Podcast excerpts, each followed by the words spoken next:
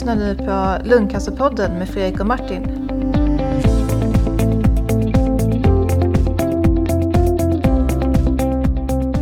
Hej och välkomna till Lungcancerpodden! Ja, nu är, det, nu är det högsommar här får man säga. Nu är det nästan sådär så att det börjar bli prunkande ute. Ja, nästan 15 grader varmt. Ja, verkligen. Riktigt tropiskt. Ja, vi har haft en tropisk natt här nere i Lund än så länge. Det Okej. beräknas ju när, när eh, dygnsmedeltemperaturen är över 20 grader tror jag. Då är det tropiska nätter. Okej. Ja, vi, var- vi hade några varma dagar, men, men alltså, det har varit jättekallt och regnigt de sista dagarna. Bedrövligt faktiskt. Usch. Fast jag är alltid lite neggig. Jag ber om ursäkt. Jag försöker peppa till, peppa till mig. Det kommer bli jättebra. Ja, just det. Jo, det blir säkert. Det blir säkert en sån här riktigt varm sommar så att man inte kan sova igen. Precis. Ja.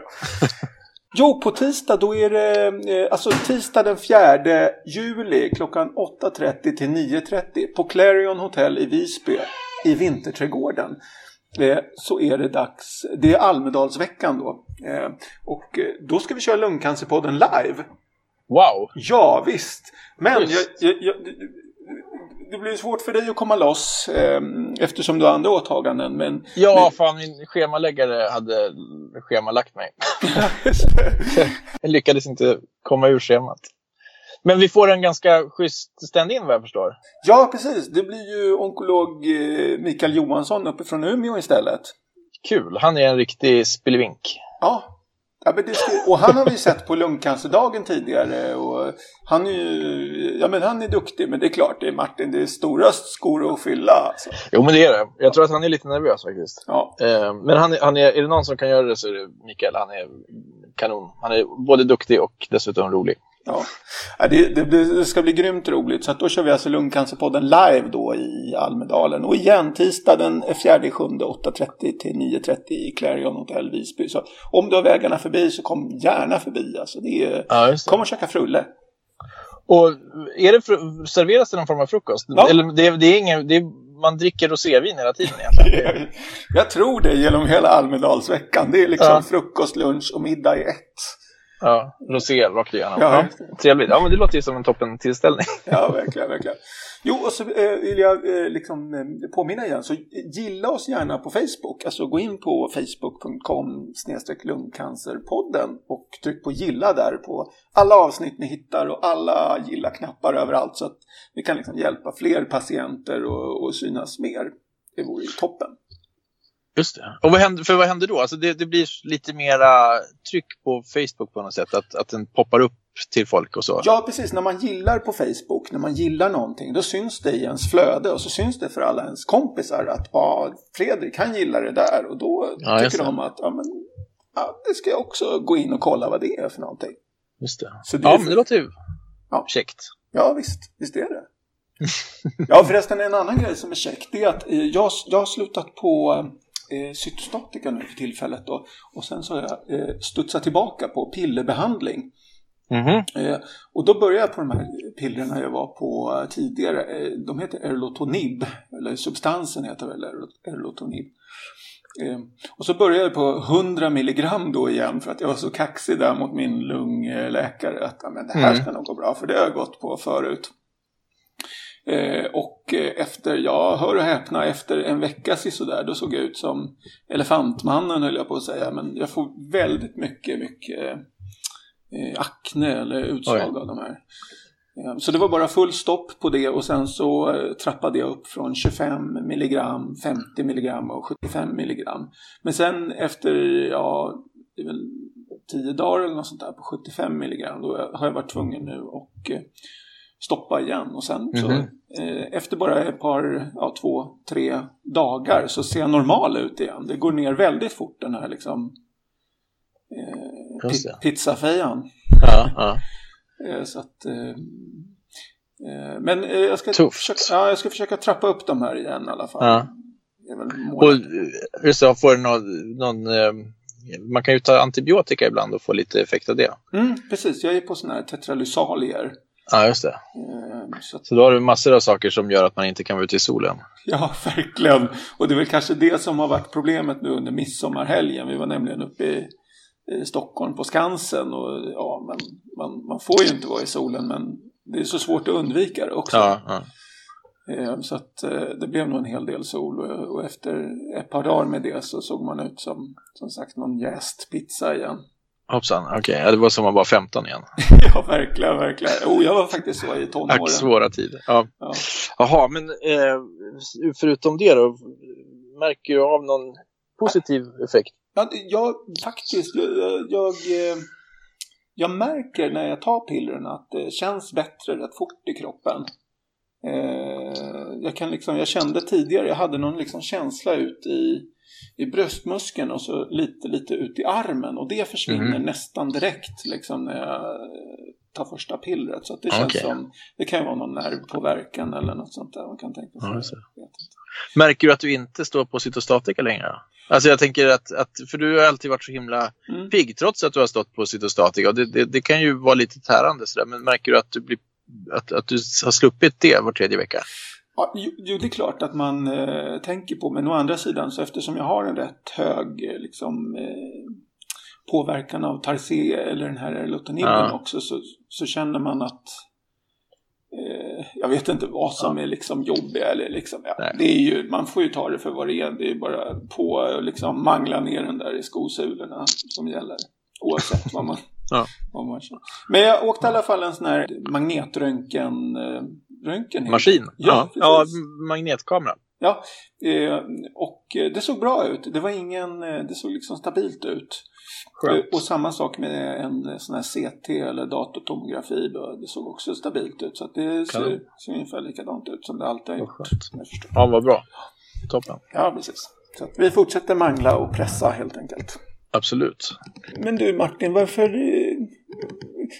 Du kunde inte vara med i Almedalen för att din schemaläggare har liksom schemalagt dig då. Men, ja. men, men hur, ser liksom, hur ser egentligen dagarna ut för en lungläkare? Jag kan tänka mig att det är massa olika saker förutom patienter. Vedermödor. Nej, men ja, det var ju en spännande fråga. Hur, hur ser en dag ut för den typiska lungonkologen? Mm. Man, man spurtar väl till jobbet i den här cykelkaravanen som går mot sjukhuset varenda morgon och försöker befinna sig där klockan åtta helst. Eh, och vilket ju går hyfsat så länge man inte måste lämna barn på dagis och så vidare. Eh, annars får man liksom smyga in lite grann från sidan om och skämmas så att man är lite sen till det läkarmöte som vi brukar börja med. Och där, där har vi alltid en avstämning på morgonen, lite grann vad som har hänt under natten. Vi har ju en nattjour som, som har varit i tjänst och som, som då beroende på hur mycket jobb det har varit har en, en rapport att eh, avge. Och så diskuterar man lite grann vad som har hänt och är det några tumörgrupper specifikt som blir involverade i något, någon inläggningsfall eller så. Så brukar vi liksom fördela lite arbete sådär. Och någon eh, kanske är sjuk och man får hjälpa till på någon mottagning eller så och, och, och ta någon extra patient. Eh, och sen så lubbar hela läkargänget iväg till röntgenrond. Och där sitter man och tittar på sista dygnet eller två dygnens röntgenbilder som har varit av patienter som har följts upp eh, som en del i sin eh, ordinarie uppföljning eller som kanske har varit tvungen att göra någon form av akut undersökning.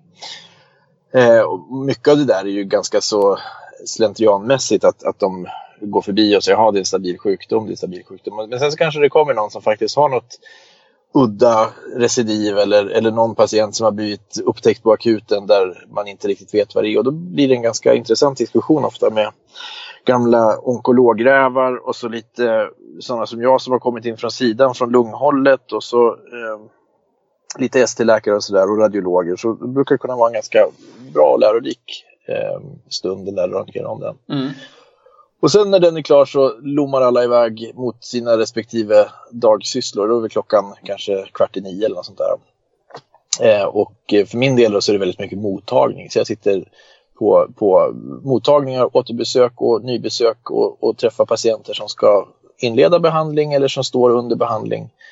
Eh, och då är det ju de här halvtimmespassen ofta där man försöker få med allt som, som eh, man ska hinna med på ett mottagningsbesök. Och där, ja, det är ju väldigt olika och just med patienter som har svåra sjukdomar och mycket frågor och sådär, där kan det vara ganska svårt att hinna med på en halvtimme. Framförallt när man tycker att man själv har disponerat tiden jäkligt bra och sen så när det är fem minuter kvar så river patienten upp en, ett eh, häfte med frågor på och sådär. Och där, där det är att man ska ha ett intyg till Försäkringskassan eh, med långa redogörelser. Då kan man vara lite stressad, då kan man komma ut lite sent i, i väntrummet till nästa patient och då får man be om ursäkt och sådär. Förstås. Vad heter det? Jag har tänkt, jag har tänkt på det när, när eh, ni läkare sitter och skriver recept och sånt där och, och alla de här eh, ja, skrivelserna helt enkelt som mm. vi tvingas göra. Det, det verkar liksom vara eh, för en del läkare i alla fall, en, något som tar lite, rätt mycket tid av själva mötet. Så är det ju absolut. Alltså, och, oftast, eftersom det handlar ju ofta om intyg och sådär, så krävs det liksom att man har lite interaktion med patienten. Alltså man, man har inte koll på alla detaljer om vad man jobbar och, och hur mycket och, och sådär. Eh, så därför måste man ofta ta det i samband med mötet. Och så ska man sitta, tyvärr så, åtminstone vi i den halvgamla och äldre generationen eh, använder någon form av pekfingervals ofta, så det är ganska långsamt att skriva. Och sen så har landstingets gamla skrivare lagt ner, så då måste man springa runt och leta utskrifter över hela avdelningen mm. för att de får iväg någon annanstans. Så det, det, det, är liksom sånt där som tar en hel del tid och där man önskar att att det fanns lite bättre logistik och kanske avlastning från... Nu kan vi ofta diktera till exempel ett sjukintyg och sådär också. Va? Så att det är lite grann beroende på hur väl man känner sin patient och sådär. Och där är det ju fantastiskt om man kan försöka upprätthålla någon form av kontinuitet så att man träffar en gammal, en gammal bekant istället för en ny, lite lätt irriterad patient som tycker att man har fått träffa tio läkare innan och sådär. Vilket jag har full förståelse för, för att det är klart att man tycker att, att det är jobbigt att dra allting från början och att, att läkaren sitter och flackar med blicken mot dataskärmen och försöker liksom läsa på lite eh, i, i smyg sådär under, under besöket. Så att, mm. Det ideala är ju att man har en bra kontinuitet med sina patienter. Det tycker jag ofta att vi kan lyckas lösa, men, men det är inte alltid så tyvärr. Mm. Och sen så beror det väldigt mycket på vilka, vilken klinik man arbetar på, om man har fasta doktorer och sådär. På vissa ställen så finns det ju inte tillräckligt med läkarbemanning. Då blir det ju eh, lite vikarier och sånt där. Mm. Ja, men sen i alla fall så vad händer sen då? Då har man kanske sex patienter på förmiddagen. Det blir väl ja, en varje halvtimme och då, där någonstans så säger väl egentligen arbetstidslagen eller någonting att man ska ha klämt in en liten kopp kaffe eller någonting i den stilen. Men det är inte så där jätteofta man hinner med det. Ofta så sitter man väl snarare och jobbar in på halva lunchen.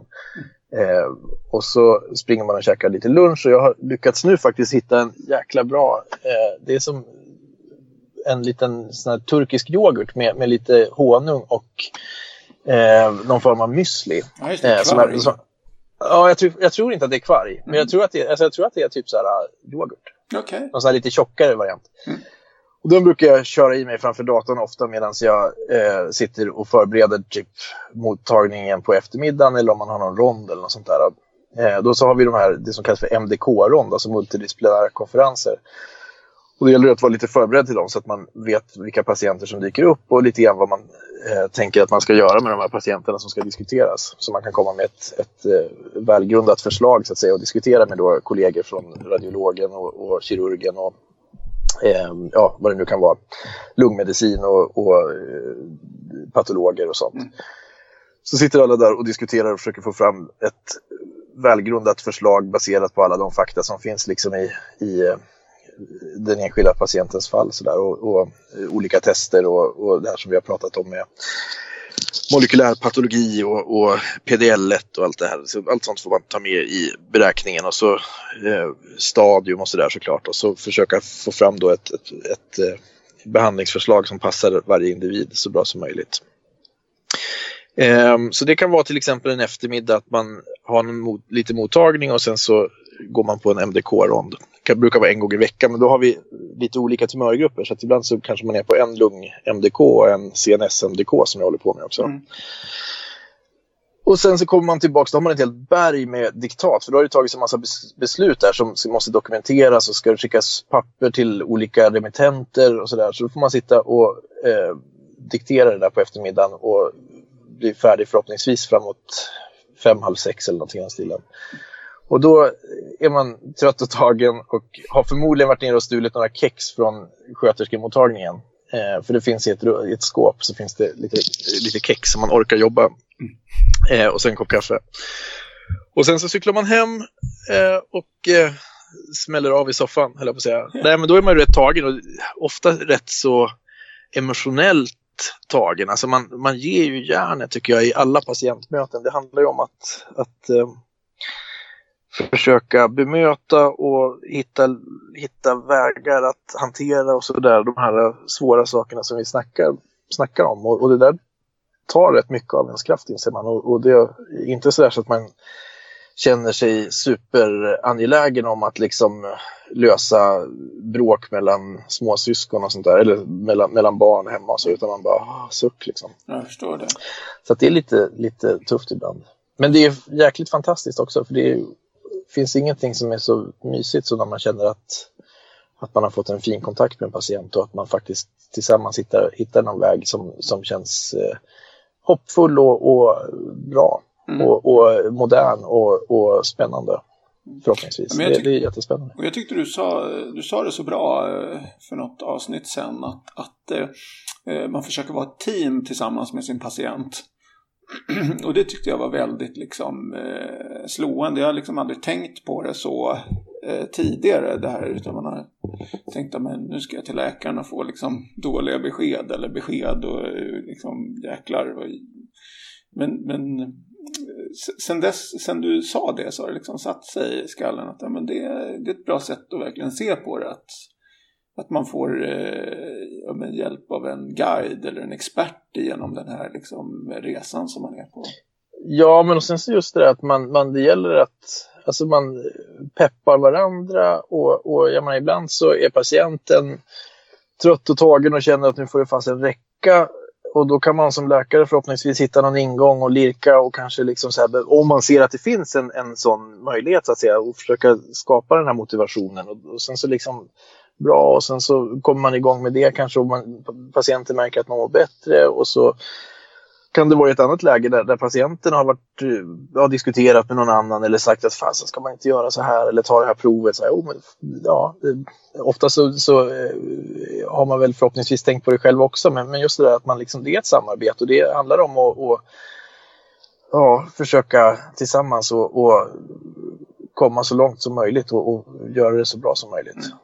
Ehm, så, och, och, det är oerhört eh, häftigt och givande och just det här att man hamnar väldigt nära sina patienter att, att man, man lär känna varandra väldigt bra. Både, både patienten så att säga och läkaren lär känna varandra. Ja, det. Eh, och det, det, tror jag är otroligt värdefullt också.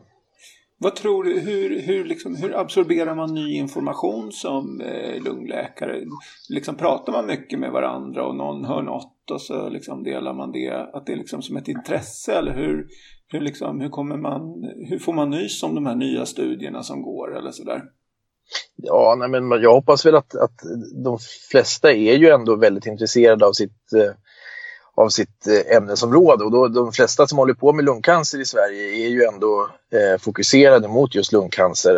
Eh, och eh, då, då håller man sig uppdaterad. Det ingår ju liksom att har man ett arbete där man vet att andras väl och ve hänger på en så, så eh, försöker man hålla sig så uppdaterad som det bara går. Och sen så finns det ju massa olika... Eh, alltså, vi undervisar ju varandra en hel del. Alltså, jag är ute och föreläser och vi, vi, fixar egna eh, föreläsningsverksamheter så att säga och kurser och sådär. Så att vi, vi försöker hålla oss på tårna så, så mycket vi bara kan. Mm. Eh, och just det här att erfarenhetsutbyte, prata om fall tillsammans. Vad, vad har hänt hos er? Är det något konstigt? Sådär? För vi är ganska små eh, som enskilda kliniker ofta men tillsammans då så har vi ändå ett ganska stort antal patienter så då kan vi ju bli så att någonstans, alltså så vi kan lära varandra om det där. Mm. Och, det, och, det, är ju lite grann att, att man, det är väl som i alla yrken att, att alla har ju någon form av expertis. Liksom. Sen så är det klart att de som har jobbat i, i, i 40 år eh, är ju naturligtvis nästorer på många sätt. Men då kan det å andra sidan komma sådana här ungtuppar eh, som dyker upp lite här och var som, som läser på lite extra om, om någon ny metodik eller någonting i den stilen som faktiskt kan komma med viktiga inspel också. Så att, men jag, jag tycker det finns en väldig dynamik eh, i, i och, och, och, vilja att, att ligga på topp. Det, alla vill mm. finnas där och, och, kunna prestera. Och det handlar ju om, om patientsäkerhet och patient, alltså resultaten för patienterna. Ja, Såklart.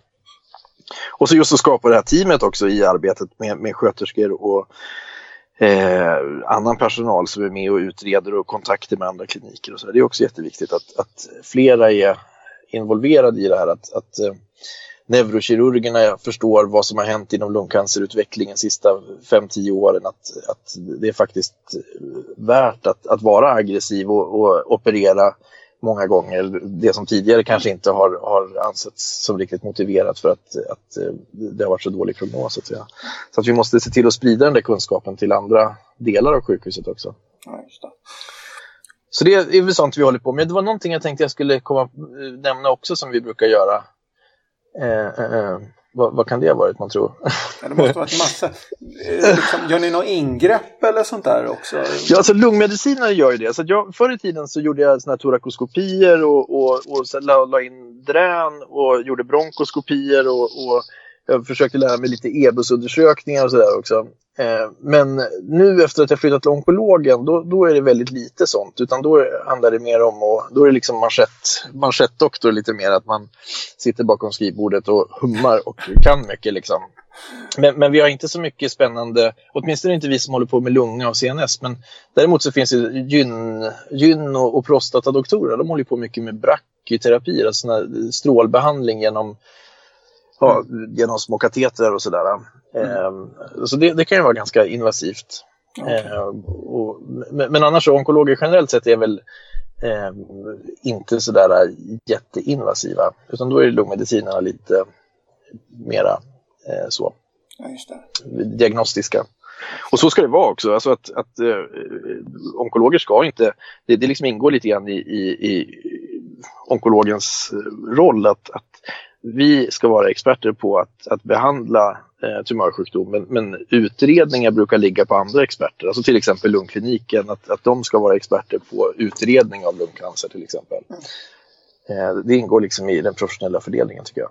Ja, det är väl vettigt att det är så, att det liksom är att man har sitt, sin gebit som man blir liksom vassast på.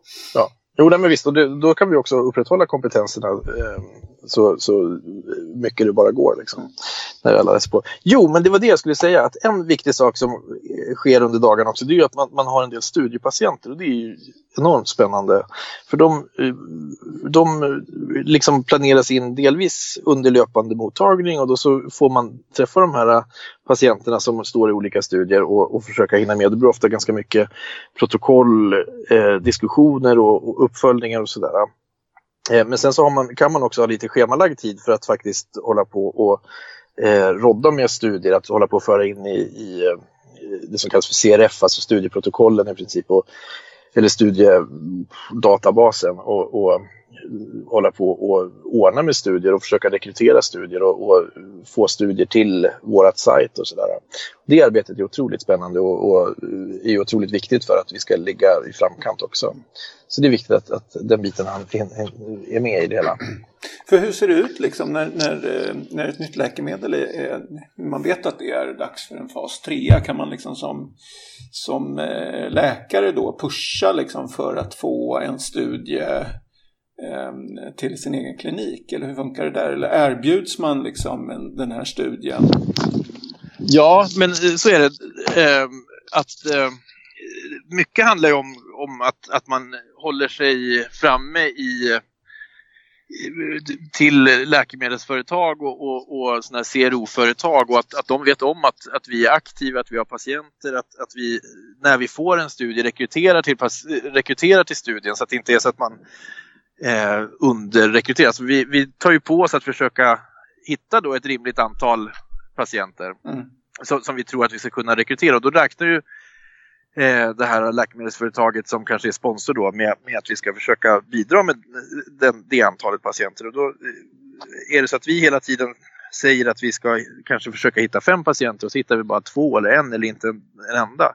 Så har de lagt ut en massa resurser i onödan på oss och då så kommer de inte fråga oss nästa gång. Så det gäller liksom att ha ett tajt samarbete där och försöka leva upp till de kvalitetskrav som ställs eh, på oss som, som sjukvårdsorganisation. Eh, Och det tycker jag att vi i Uppsala och, och många andra ställen också såklart. Men, men det finns en, en jäkligt professionell organisation för just hanteringen av eh, eh, läkemedelsstudier och som gör att, att vi har fått mycket studier och nu som det ser ut nu så har vi så mycket studier så att, så att, eh, så att det blir jättemycket jobb.